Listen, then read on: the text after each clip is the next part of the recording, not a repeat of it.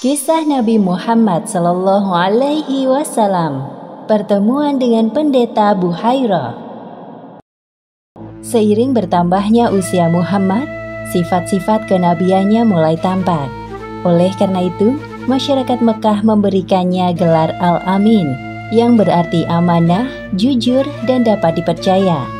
Kehadirannya sebagai penerus dari Nabi Isa alaihi salam telah terdengar di kalangan para ahli kitab dan orang-orang Yahudi, bahkan sampai ada yang berniat untuk menghabisi nyawa Muhammad. Akhirnya dengan izin Allah Subhanahu wa taala, Muhammad berhasil lolos dari incaran orang-orang Yahudi melalui perantara pendeta Buhairo. Abu Talib merasa bersyukur diberikan amanah merawat Muhammad. Beliau sangat menyayangi Muhammad melebihi anaknya sendiri. Begitu juga dengan Muhammad yang merasa dirinya aman dalam penjagaan Abu Talib. Wahai Muhammad, engkau benar-benar anak muda yang sempurna. Hatimu bersih karena tidak suka bermaksiat seperti teman-teman seumuranmu. Semoga firasatku ini benar. Kelak engkau akan menjadi orang besar.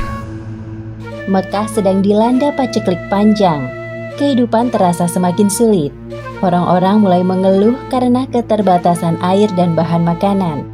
Mereka pun mengadu kepada Abu Talib selaku pemimpin kaum Quraisy setelah meninggalnya Abdul Muthalib. Wahai Abu Talib, lihatlah daerah sekitar kita ini. Tanahnya kering dan tandus. Panen diramalkan akan gagal jikalau hujan tak kunjung turun. Padahal hanya ini yang kami andalkan untuk hidup sehari-hari. Kami mohon engkau berdoa kepada Tuhan agar menurunkan hujan. Aku dapat merasakan kesedihanmu wahai saudaraku. Sekarang marilah kita terus berdoa tanpa henti kepada Tuhan pemilik alam semesta. Tiba-tiba Abu Talib teringat kepada keponakan kesayangannya. Beliau berpikir jika mengajak Muhammad, maka doa penduduk Mekah akan dikabulkan. Karena Muhammad adalah orang yang paling bersih hatinya dan jauh dari dosa. Wahai Muhammad, ikutlah dengan paman. Kita akan meminta kepada Tuhan untuk menurunkan hujan agar tanah-tanah kembali subur. Baik, Paman. Abu Talib menempelkan punggung tangan Muhammad ke dinding Ka'bah seraya berdoa. Tak berselang lama, tiba-tiba mendung datang dari berbagai penjuru langit dan hujan turun dengan derasnya. Hujan, hujan, hujan, hore! Terima kasih ya Allah, Engkau telah menurunkan hujan yang penuh berkah kepada kami.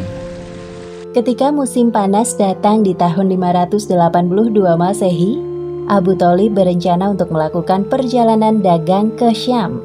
Muhammad yang mengetahui rencana pamannya itu memaksa untuk turut serta, padahal usianya masih 12 tahun. Wahai paman, bolehkah aku ikut berdagang denganmu?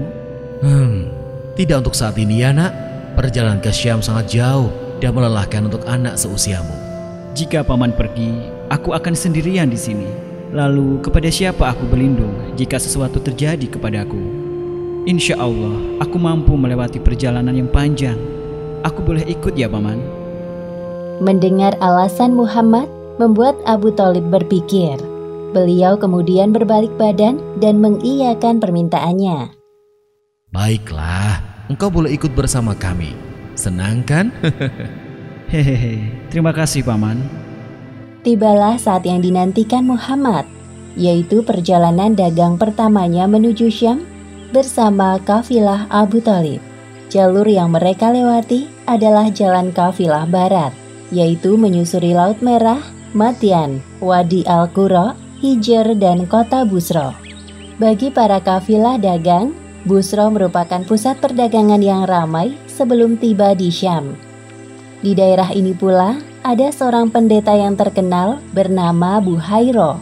Kafilah Abu Talib memutuskan untuk beristirahat sejenak tak jauh dari rumah ibadah milik Buhairo.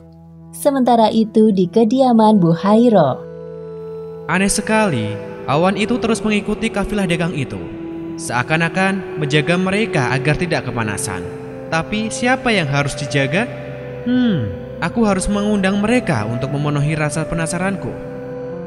Wahai pelayan, aku perintahkan kalian untuk membuat makanan yang lezat dalam porsi besar. kita akan kedatangan tamu-tamu istimewa. Baik, Tuan. Biasanya Buhairo tidak tertarik dengan kafilah dagang yang lewat. Namun kali ini ada yang berbeda. Selamat datang di Busro, wahai kafilah dagang yang sedang istirahat. Tanpa mengurangi rasa hormatku, aku ingin mengundang kalian semua untuk makan bersama di rumahku. Tentunya, aku telah menyiapkan banyak hidangan untuk mengisi kekosongan perut kalian. Wah, sungguh mulia niatmu wahai rohib. Padahal sebelum ini kami sering lewat rumah ibadahmu. Namun perlakuanmu kali ini sungguh ramah. Apa hari ini istimewa bagimu? Ya, dan kalian semua adalah tamu istimewaku. Ayo, mari masuk ke dalam. Semua orang kecuali Muhammad masuk ke dalam rumah Buhairo. Hal itu dikarenakan tugasnya menjaga perbekalan kafilah. Setelah mengamati para tamunya, Buhairo merasakan ada kejanggalan. Wahai saudaraku, semua makanan ini sungguh lezat. Semoga kalian menyukainya. Hmm, namun apakah semuanya telah hadir di sini? Engkau tenang saja Buhaira. Perut kami cocok dengan jenis makanan apa pun asalkan halal. Untuk keamanan perbekalan, kami ada satu anak laki-laki menjaga di luar. Para kafilah itu saling berbisik-bisik.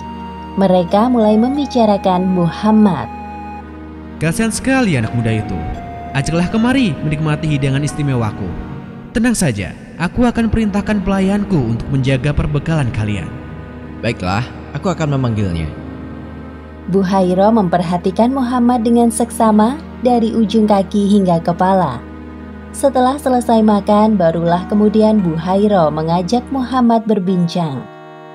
Wahai anak muda, kemarilah. Aku ingin berbincang denganmu. Apa yang hendak Tuan tanyakan kepadaku? Insya Allah, aku akan menjawabnya. Tanpa sedikit pun menyia-nyiakan kesempatan, Buhairo menanyakan banyak hal kepada Muhammad seperti postur tubuh sampai posisi tidurnya. Setelah melihat tanda kenabian di punggung Muhammad, Buhairo menghampiri Abu Talib. Apakah Muhammad itu anakmu? Iya, dia anakku. Engkau berbohong. Dia tidak pantas memiliki ayah yang masih hidup. Iya, kau benar. Maksudku, dia anak saudaraku yang aku rawat seperti anakku sendiri.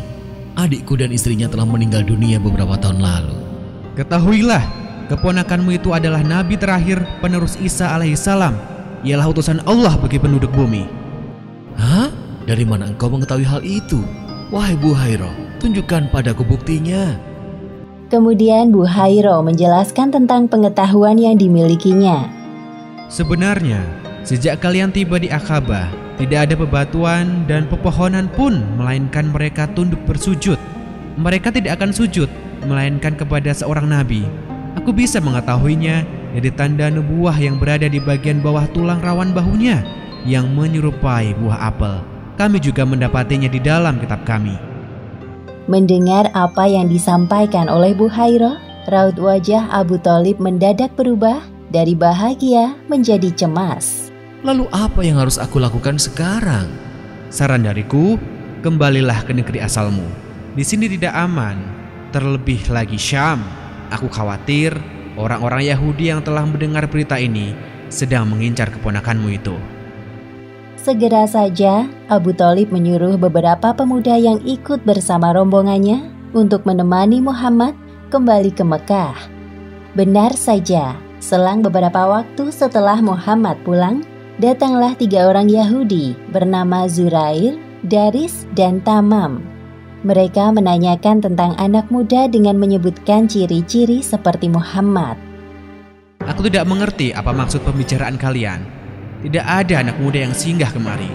Hanya sekelompok kafilah dagang yang terdiri dari para laki-laki dewasa. Sudahlah Buhaira, jujur saja kepada kami. Engkau pasti juga telah mengetahui tentang kedatangan anak muda utusan Tuhan itu, bukan? Wahai saudaraku, anak muda itu bukan orang sembarangan. Ada Tuhan Allah yang menjaganya. Dengarkan aku baik-baik. Kalian tidak akan menang melawannya jika memang tujuan kalian untuk menghabisinya. Sudahlah, benda niat buruk itu dalam-dalam. Untuk apa kita melukai tangan kita yang suci ini demi sesuatu yang buruk, saudaraku?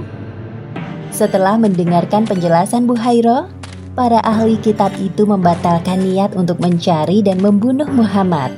Di kota Mekah, Muhammad tumbuh menjadi seorang pemuda yang nyaris sempurna, paling terhormat dari segi nasab, paling mulia akhlaknya, paling baik tutur katanya, paling jauh dari keburukan pergaulan orang-orang Mekah.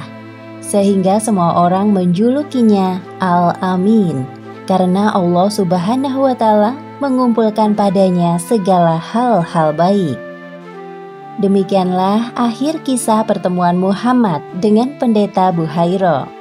Hikmah yang dapat kita ambil dari kisah ini adalah Allah Subhanahu wa Ta'ala memberikan perlindungan kepada Muhammad dari kejahiliahan penduduk Mekah dan orang-orang Yahudi, bahkan sebelum beliau diangkat menjadi nabi. Hal ini sesuai dengan janjinya sebagai Tuhan Maha Melindungi orang-orang yang beriman. Wallahu alam bisawab.